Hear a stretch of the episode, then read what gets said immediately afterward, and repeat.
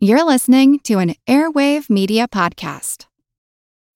When you need mealtime inspiration, it's worth shopping Kroger, where you'll find over 30,000 mouthwatering choices that excite your inner foodie. And no matter what tasty choice you make, you'll enjoy our everyday low prices, plus extra ways to save, like digital coupons worth over $600 each week. You can also save up to $1 off per gallon at the pump with fuel points. More savings and more inspiring flavors make shopping Kroger worth it every time. Kroger, fresh for everyone. Fuel restrictions apply.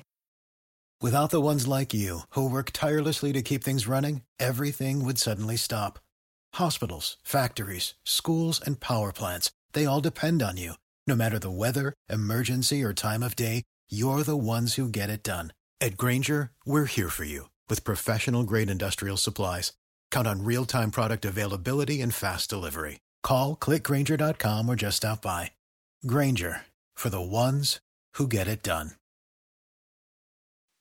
You're listening to an Airwave Media Podcast.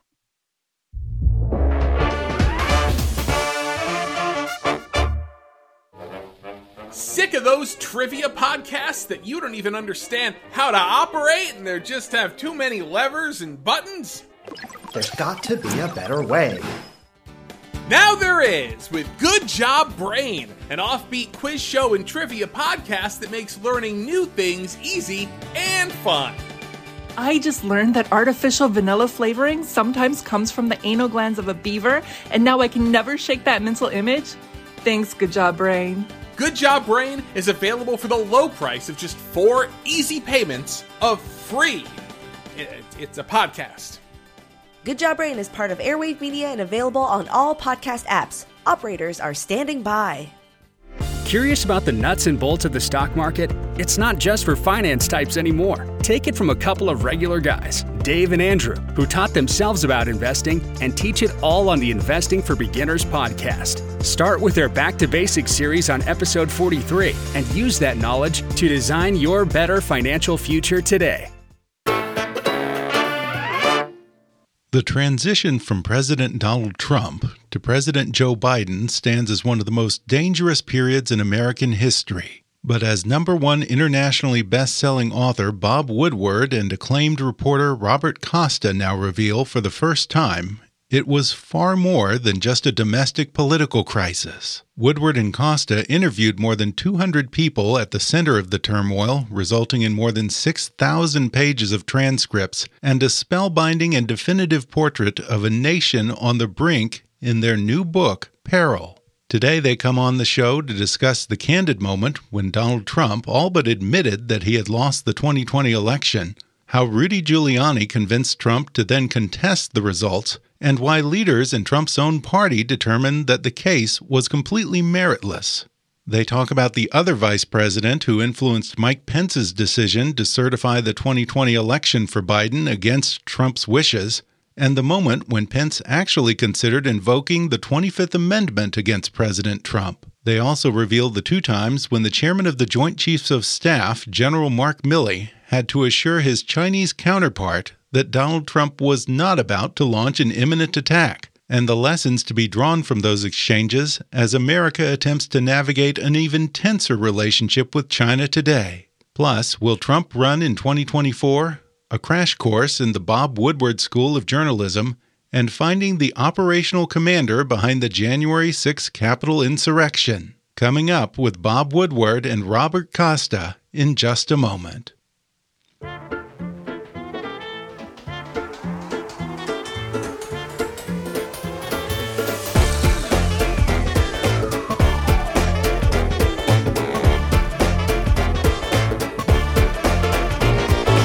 Bob Woodward is an associate editor at the Washington Post, where he's worked for 50 years. He has shared in two Pulitzer Prizes, one for his Watergate coverage and the other for coverage of the 9 11 terrorist attacks. He has authored 20 national best selling books, 14 of which have been number one New York Times bestsellers. Robert Costa is a national political reporter at the Washington Post, where he's worked since 2014. He previously served as moderator and managing editor of Washington Week on PBS and as a political analyst for NBC News and MSNBC News. Now they're out with a new book covering the madness that ensued during and after the 2020 election in their new book, Peril. Gentlemen, welcome. Thank you.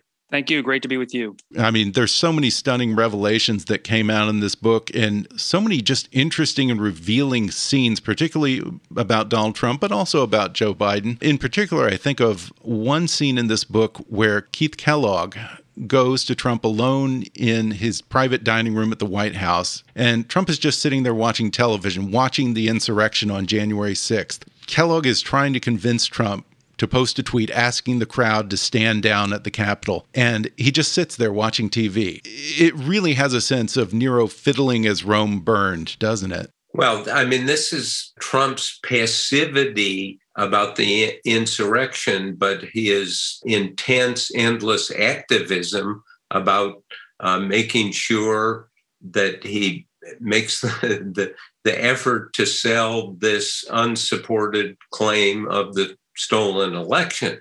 What we found, we had this nine months divorced from the Washington Post to really focus on this book. And the reporting shows very clearly that there was a hidden national security crisis in all of this that the consequences of that may be war with China, maybe some sort of military action, even use of nuclear weapons. This is on a zero to 10 scale, a scale of really a 15 or a 16. And that's what I think really surprised Bob Costa and myself. Well, Bob, let me ask you this since you brought it up. There is this well reported moment now where General Mark Milley, the chairman of the Joint Chiefs, calls his counterpart in China, General Li, to assuage his fears about Trump potentially launching some type of an American attack on China. In fact, this call takes place twice in this book. It wasn't an isolated incident. One of those moments did take place on January 8th, immediately immediately following the events of January 6th. I sort of feel like the headline has run away with the story, and it's been painted as Milley was worried that Trump might launch an attack, and certainly expressed some concerns. But my understanding is more that he was less, at least in the conversation with General Li, that he was less worried about Trump launching an actual attack than about China misinterpreting kind of the toxic combination of Trump's bluster and movements, military exercise going on in the Pacific as some type of an imminent attack. Is that accurate? I think that's completely accurate. What do you think, Robert? Milley was clearly responding to a crisis. And the only thing I would add is that the book shows how General Milley was over time growing increasingly alarmed. And the period that really matters in the book is the period in late May through January 6 in the insurrection. You see in late May General Milley starts to see President Trump unravel with the George Floyd protests. He battles his military advisors, both civilian and non civilian, over the use of the Insurrection Act. You see Trump trying to bring the 82nd Airborne into Washington. Ultimately, they stay at Andrews Air Force Base, a fact in the book that probably deserves more attention about how close a military confrontation came in the summer of 2020. And this story snowballs with the reporting as the book goes on and it really takes a reader through Milley's experience and the experience of others like gina haspel the cia director a nonpartisan figure secretary esper at the pentagon as they watch at times with alarm even horror about this president and his conduct screaming at them ultimately firing the secretary of defense which led director haspel to privately confide to Milley based on our reporting that she feared a possible right wing coup. And then in November, later in November, the president, outside of the usual channels, the, the normal channels, has a directive, a memo he signs to withdraw troops from Afghanistan and Somalia. All of these were red flags for Milley about where Trump was going, how he was using the levers of power. And what you see is in the story of in January 6th, 7th, and 8th, especially January 8th, is Milley is in a culminating moment, making a decision to bring in members of the NMCC, the Pentagon's War Room, the National Military Command Center, to underscore the procedures for using nuclear weapons or having a military strike. And it doesn't come out of nowhere. The book shows it comes out of all of this experience and his his troubled assessment about where this could go. Yeah, there's a chilling phrase in this book that he uses, quote, the darkest moment of theoretical possibility. I kind of love that phrase, uh, not not in a good way, but it really sums up the moment there. It really does. And that phrase captures this idea of his assessment of what his responsibility is that he's chairman of the Joint Chiefs, the number one military man, but Trump has fired November 9th the Secretary of Defense and installed Christopher Miller, someone who will do Trump's bidding. And Milley's very suspicious of this. Um, the person who's the most suspicious is Nancy Pelosi, who two days after the insurrection, and we have a transcript of this call. And it's one of the most remarkable things I have ever seen because Nancy Pelosi, Speaker of the House, somebody in political combat with Trump, but also as speaker is second in line for the presidency, knows the procedures for using nuclear weapons. And she calls Milley and says, Look, you know, what guarantee can we give that Trump will not just order a strike? And she says, He's crazy. And Milley says, I agree with you 100%.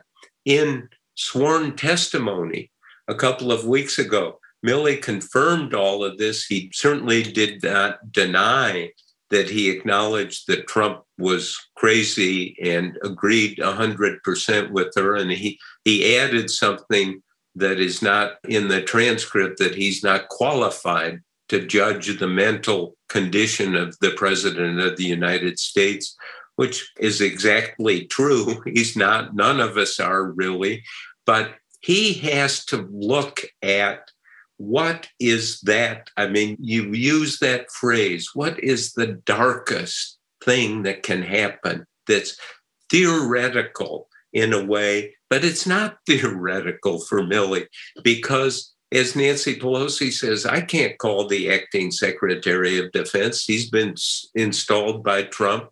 You're the one, General Milley, I'm calling and I'm saying, I want you to give me a guarantee. Milley says, Well, we have procedures. And then he realizes that there's a weakness in the system, and this weakness really ought to be examined. The real peril is we have a system where the president is commander in chief can all by himself decide to order military action or the use of nuclear weapons. So I've done this for 50 years, as you mentioned. One of the most dramatic scenes. Milley calls in the war room of the Pentagon, the people who are on watch 24 7 to take orders from the White House or the commander in chief and he says, Our procedures call for me, Chairman Milley, to be involved. I want a personal oath, essentially, from each of you that will, you will make sure I am a participant in any order for military action or the use of nuclear weapons. And he goes around the room. Got it. Yes, sir. Got it. Yes, sir. Got it. Yes, sir. I mean, this is somebody acting is it to protect the country from that darkest possibility. And it does say volumes that General Milley felt the need to call his counterpart in China and reassure him that there was not an imminent attack. And there's an interesting moment in that conversation where he says, if the U.S. is going to attack, you and I will be having a conversation. There will be red flags, there will be talking. And I wonder are there lessons to be drawn from that conversation as President Biden now navigates an even more fraught relationship with China over Taiwan? What you see with the, with the General Li relationship is something that has echoes in history that during the Cold War, the Soviet military leaders and US military leaders would often have back channel discussions to try to de escalate situations. And more reporting needs to be done on what's happening now. But our book shows that Milley treasures, on, in a professional sense, the ability to have these kind of conversations, whether it's October 30th, 2020 or January 8th, 2021, with General Li.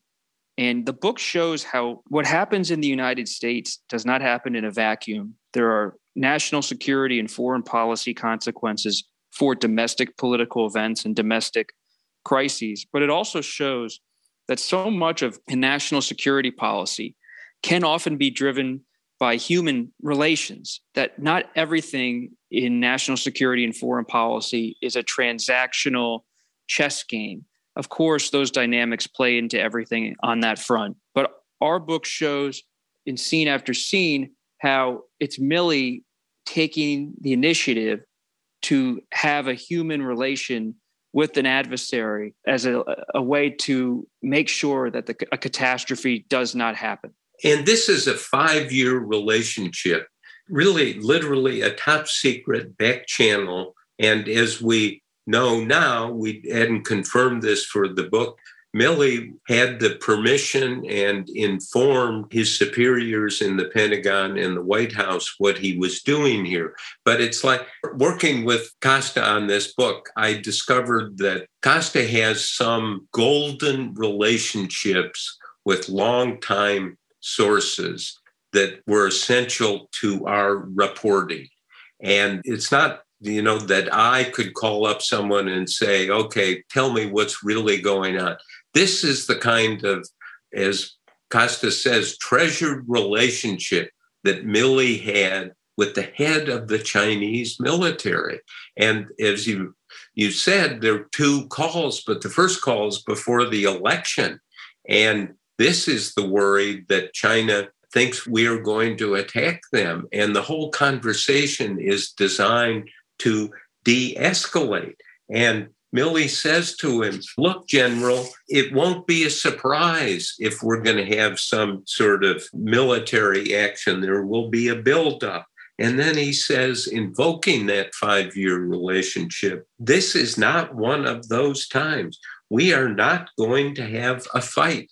And General Li then says, I'm going to take you at your word. Now, you can see the history of war is a, often a history of miscommunication. World War One, supposedly no one wanted World War One. Everyone built for it. And the assassination in uh, Sarajevo of the Archduke was the triggering mechanism. No one would have predicted this. This led to a war that killed 50 million people. So you are in that seat that Milley, where he worked day by day with the Chinese, with Trump. And Trump just, I mean, it's astonishing the scenes that we depict in the Oval Office. I mean, it's irrational screaming. It's if you were somebody participating in this, you would say, as a lot of people say, this Trump is in mental decline. Speaker Pelosi, he's crazy. Right. Milley saying, I agree 100%. Well, I want to talk about that because there are some interesting moments in here where Speaker Pelosi is having that conversation with General Milley about invoking the 25th Amendment. There's one point in here where Chuck Schumer and Pelosi are trying to get a hold of Mike Pence to speak to him about invoking the 25th, and Vice President Pence won't take the call. It's interesting because publicly, Pence snuffed any talk of removing the president, but I was fascinated to read in here that the vice president actually did ask his staff to look into the feasibility of invoking the 25th after the Capitol riots. Can you tell us more about that, Robert? This is a very important scene because this is after the insurrection, the day after. And Speaker Pelosi and Leader Schumer, based on our reporting, say we got to call Pence together and force him to consider the 25th Amendment to invoke it. And so they call him together. And Pence does not pick up the phone. The two Democratic leaders in Congress are put on hold by the vice president of the United States. And while Pence puts them on hold, he talks to his lawyers and his advisors, including Greg Jacob, his counsel. Jacob is a little known lawyer, but Jacob makes the case legally to Pence that because, in his view, Trump is not mentally or physically incapacitated, that the 25th Amendment does not apply in this specific situation. Pence accepts that argument, but they deliberate for at least 15 minutes because we know in our reporting that Pelosi and Schumer are kept on hold for about 20 minutes. And finally, Mark Short gets on the phone. He's Pence's chief of staff with one of the other aides and says, Pence won't be coming to the phone. And so the call never happens. And part of this was about keeping Pence away from even having the discussion with these leaders to even turn them down would be having the discussion. So Pence wanted to avoid that politically. But the thing you rightly pointed out is our book reveals there was a legal discussion at some level, quickly dismissed. But this is an important juncture because if Pence considers the 25th Amendment, maybe Pelosi and Schumer do not pursue impeachment, but ultimately they quickly pursue impeachment for a second time because Pence does not want to participate on the 25th Amendment. And it's a historical moment of what if, and we take you behind the scenes to really take you there in the day after. Yeah, that's an excellent point. And some of the moments in here between Trump and Pence, where Trump is saying, wouldn't it be quote unquote cool if you had the power to overturn the election results and screaming at him, we're not friends anymore, are, are, kind of shocking. What did you learn, Bob, about the Trump Pence relationship while you were writing this book? Well, it needs to be tracked from the beginning. And of course, uh, as Vice President, Pence was always willing and subservient to Trump. And you see, as you track the history of Pence having to deal with his responsibility as president of the Senate, spelled out in the Constitution and law. He has to essentially count the votes to certify who's going to be the next president. And the numbers show that it's Joe Biden. And Pence is dancing here. He's riding both horses. He's looking for a way to accommodate Trump. And there is this extraordinary call between Pence and former Vice President Dan Quayle. They're the two people from Indiana, Republicans, who'd been vice president.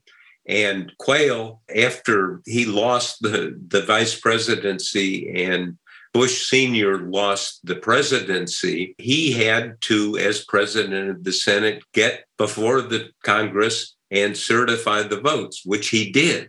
And so there is this talk between Pence and Quayle, and, and Pence is looking for, gee, maybe there's something I can do. And Quayle, because he's traveled this road, reads the Constitution to uh, Pence and the law and says there's no wiggle room. You can't do it.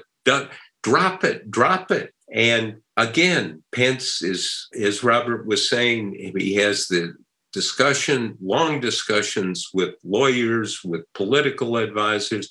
He's looking for a way. And to his credit, he decided that the law and the Constitution would have to hold, and he defied Trump. And of course, then Trump has staked essentially his whole post presidency. I mean, think of this. And we have seen after scene of this, and some of it's public, where Trump is out there saying the election was stolen. What I'm going to do, I'm going to run again in 2024 and how does he put it, Robert? I mean, it's then I'll be elected for the third time. Is that what he finally says? That's exactly right. I mean, we're really looking at a, a Republican Party that's still dealing with these dynamics across the board. That uh, President Trump just refuses to concede and his voters are still with him. Uh, and there are, there is polling out there that shows the Republican Party may want to, in some corners, go in a different direction. But as we show in our book, it's going to be very hard for them to tangle with him because the fervency of his supporters is so strong. We're going to take a quick break and then we'll be back with more when we return in just a minute.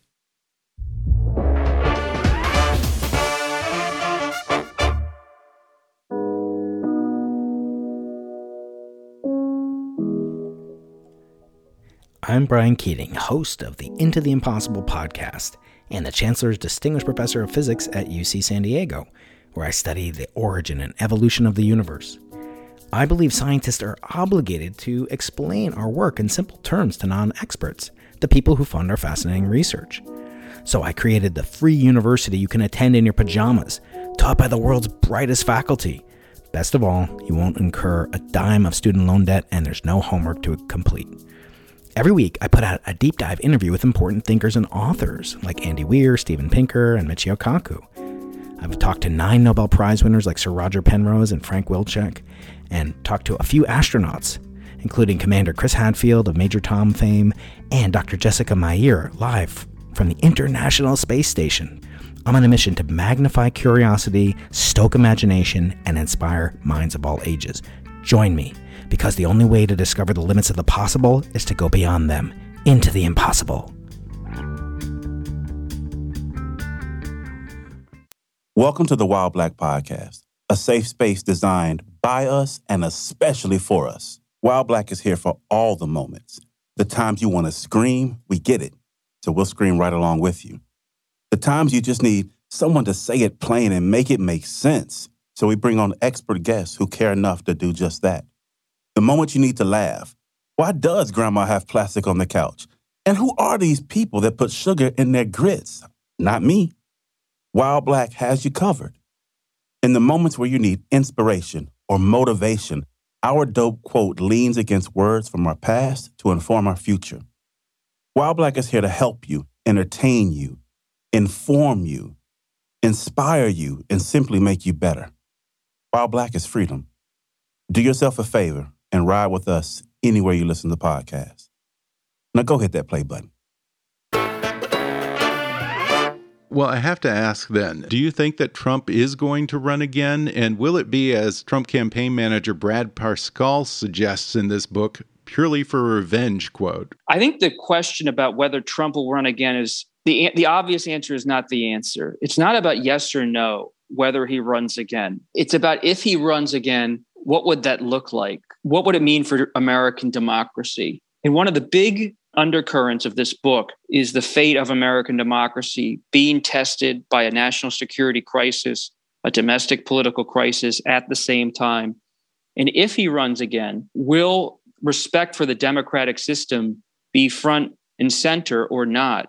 And if not, could we have a system in place in 2024? And we're already seeing movement afoot in different states, a system where alternate slates of electors are hoisted upon Congress at the 11th hour to change the direction of a presidential election, to change the direction of the whole count in the electoral college. That was avoided this time, but our book shows this John Eastman memo by a conservative lawyer was working to try to get Pence to consider alternate slates of electors, which we show in the book did not exist. But the real question is not whether Trump runs again or not, but if he runs or someone like him runs, will the system hold?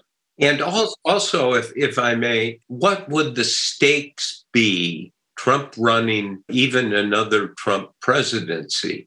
And again, look to what we found in our reporting. This there's this extraordinary moment it's November 11th, so it's just eight days after the election. And Milley's up in the Secretary of Defense's office, the acting Secretary of Defense, Chris Miller.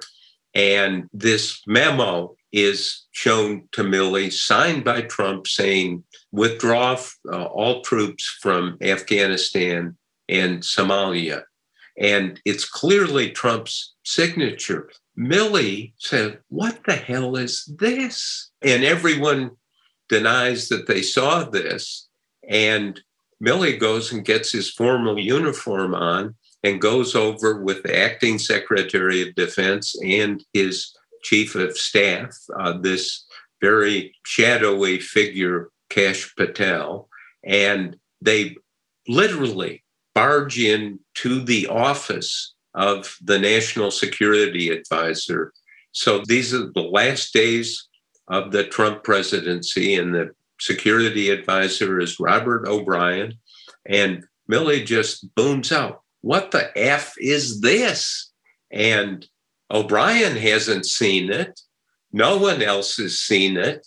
And O'Brien, to his say, you know, wait a minute, we can't just have the president going rogue and signing orders like this with the entire national security apparatus cut out, including the national security advisor, including the acting secretary of defense, including the chairman of the Joint Chiefs. So O'Brien takes it to Trump and says, You just can't do this. You know, by law, we have to have a process where we include these key national security figures. And Trump agrees to nullify and withdraw the memo. O'Brien comes back to Milley and says, okay, it's withdrawn. And Milley accepts that. But here's the evidence that two underlings got Trump to sign this. And how, the government, the national security apparatus is not functioning.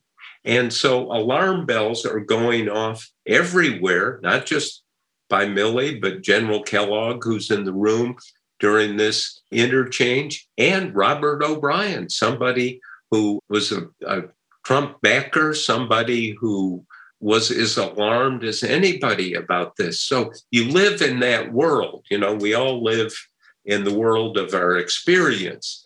You can't have that experience and not say, my God, we've got to go to general quarters. My God, we've got to do everything to protect a system where the president as we know, as commander in chief, has a concentration of power that people really don't understand. He can call, and that's what Milley realizes. This is what Robert O'Brien realizes. He can sign something like that, and he has that constitutional power. So they have to put some sort of process and enforce some sense of discipline.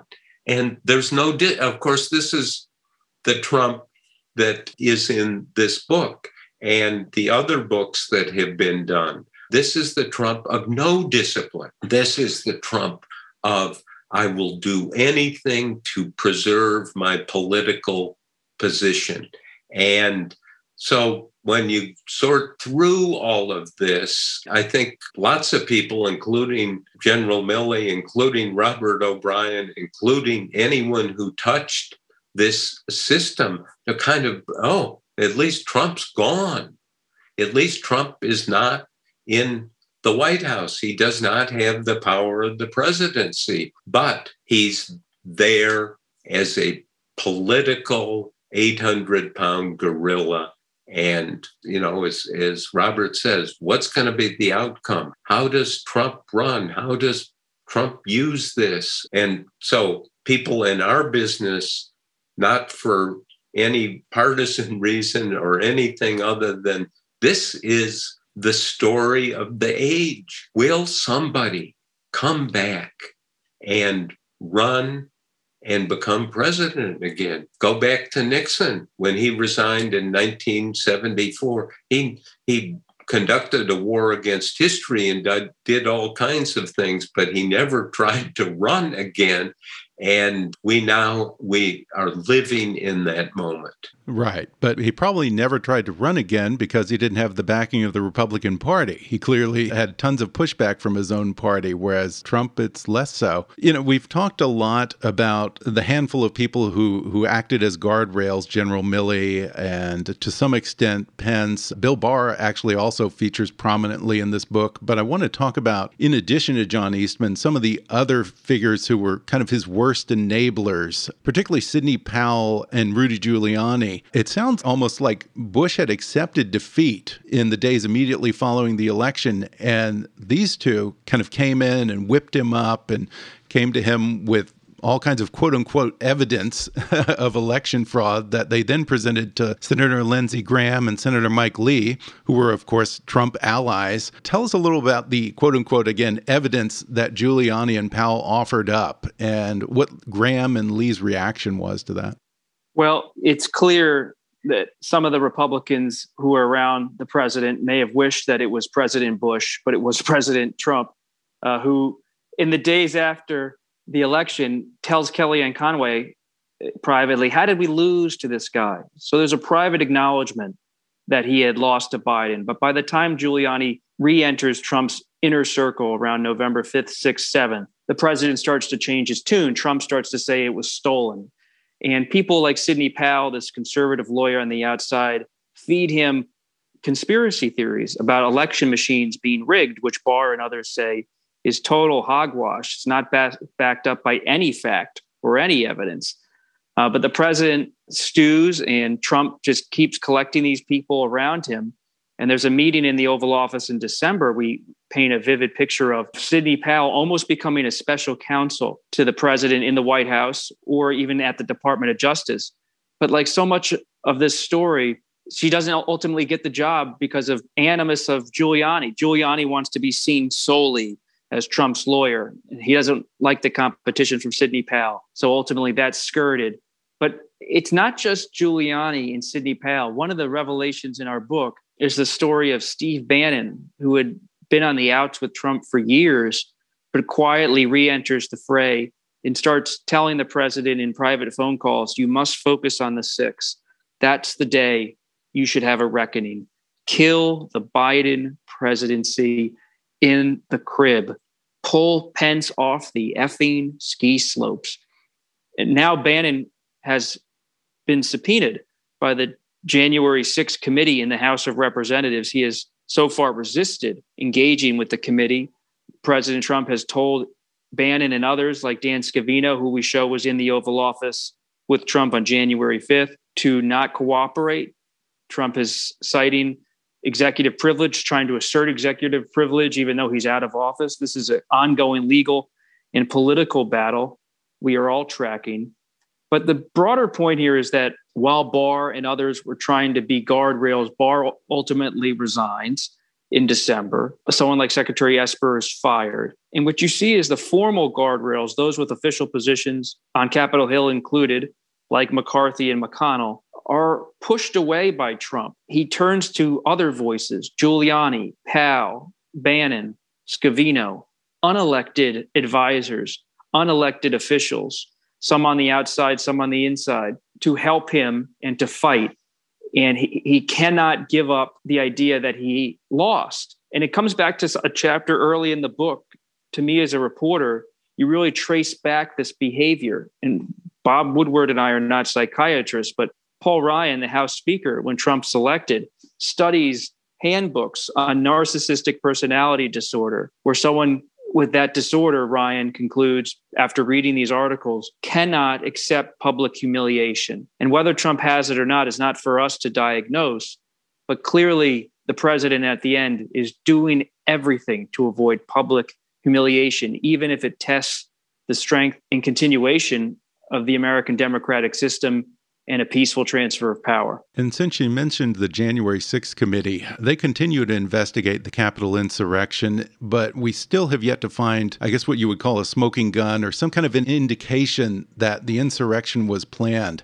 So, to sort of go back to the Watergate playbook, Bob, do you think that there has to have been some kind of operational coordinator at the helm of this? This, I think, is exactly the right question. If you look at Watergate, it was Howard Hunt and Gordon Liddy who were the operational coordinators for the Nixon White House, the Nixon campaign in 72. And that now is history. And if you remove Gordon Liddy and Howard Hunt, it's very hard. Somebody had to actually do conduct the operations, the break-ins, the you know they went and I mean, broke into Daniel Ellsberg's psychiatrist's office to get dirt on Ellsberg. Unimaginable acts. I, again, as Robert and I worked through this, the, the national security aspect is so important to understand. And that period, the days after the election, when Trump finally, oh, I, it was stolen, it was stolen. And as we recalled he, he fires Secretary of Defense Esper and Secretary of State Pompeo, who was really close to Trump and an ally, starts saying, uh oh, the crazies are taking over. and he confides that Trump is in a dark place. And the CIA director, Gina Haspel, then says, you know, we're worried about a right wing coup. And then on November 12th, Trump has a meeting, National Security Council meeting on Iran. And they're going through this. And my God, Trump sees something that people, oh, maybe we'll strike Iran. And the military people are trying to tell you know, you start striking a country like Iran, you may wind up with a war. And Gina Haspel, this person steeped in evaluating power in foreign governments, evaluates what's going on with Trump. And she said, My God, we're going to attack Iran. We're going to lash out for his ego. And Pompeo finally says, and he'd been in favor of some sort of action against Iran, and finally says at, at the end, November 12th, look, I don't want to talk, let's leave Iran to the next administration. I don't want to talk about effing Iran ever again. Yeah, I mean, it's just, it's truly, truly remarkable what comes out in this book. And Robert, I have to ask, you know, I've heard you speak in other interviews about sort of getting the crash course in the Bob Woodward School of Investigative Reporting, which it really kind of sounds like it was kind of going back to the old school ways as opposed to texting questions to sources and that kind of thing. Tell us a little about that. Bob Woodward and I, having done it, I've done it just recently at the Washington Post have such respect for daily print reporters because as a daily print reporter at a place like the Washington Post, you are under pressure by 5 or 6 p.m. at night to hit the deadline with a 900 to 1300 word story that's deeply reported as much as possible. Woodward's method is for these books, which are nonfiction original reporting, is to keep going back and that to me was the joy of working with Bob, and that we could, instead of chasing the ball of where the news would go, we could chase the story that had happened and dig and dig and ask further questions, ask for more documents, do interviews, study transcripts. We ultimately ended up with 6,000, more than 6,000 pages of interview transcripts. And what it leads you to as a reporter is a fuller, richer picture of what happened because you have what Woodward calls rightly the luxury of time. And there is something about going back and asking people who are directly involved to reflect, share original documents, that you're able to get a better understanding and that the insights come from the addition of more reporting. And Woodward is a master at not being satisfied with one or two people's version of events, but trying to always understand different perspectives and to build as much as possible. And not to speak for him, but I know he is guided so much by his his mentor, the late Ben Bradlee, who edited the Washington Post for decades, who always would speak to Woodward and other reporters about getting as close to the truth as possible to get what Bradlee called the most obtainable version of the truth. And that has remained his ethos, his guiding light. And for this project, it was our guiding light as well. What is the most obtainable version of the truth? And you learn the value of extended interviews. Robert did some interviews. There's one interview he did for eight hours. Now, in daily journalism, you don't have the luxury of doing that. But not only just an eight hour interview, but then going back to that source again and again and merging accounts, finding out what happened, not just from one person, but people keep notes, people have. It's astonishing the record that is out there. And, you know, this is something you can get close to by going back and back and back. And uh, we're particularly now at this moment hoping that the January 6th commission in the House can do an exhaustive look at not just the insurrection, uh, and that is the key, but the key is about Donald Trump. What don't we know about Donald Trump? And looking at the national security end, I think is essential. I think it's very important to revisit the whole issue of how Trump handled the COVID 19. And there is a record there. And we are now at this moment where 700,000 people in this country died. And some real hard serious questions need to be asked about that because that tragedy is going to go down in history and you know hopefully it will subside sometime in some way but let's not run by what was a catastrophe for the United States. I agree well, you know, I feel like I've kind of given short shrift to Joe Biden, who also features heavily in this book. Perhaps that's a conversation for another time. The book is just fascinating. Again, it's called Peril. Order it on Amazon or wherever you get books, folks. Bob Woodward and Robert Costa, thanks so much for talking with me. Thank you. Thank you. Thanks again to Bob Woodward and Robert Costa for coming on the show. Order their new book, Peril, on Amazon, Audible, or wherever books are sold. And follow them on Twitter at, at RealBobWoodward and at Costa Reports. If you enjoyed today's episode, then subscribe and give us a five star rating on Apple Podcasts. Detailed reviews are the best way for new listeners to discover the show. Follow us on Facebook at, at kickassnewspod and email me with your comments, questions, and suggestions at comments at kickassnews.com. Kickass News is a part of the Airwave Media Podcast Network.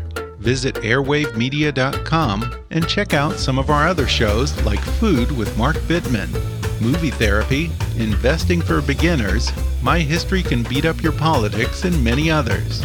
For now, though, I'm Ben Mathis, and thanks for listening to Kick Ass News.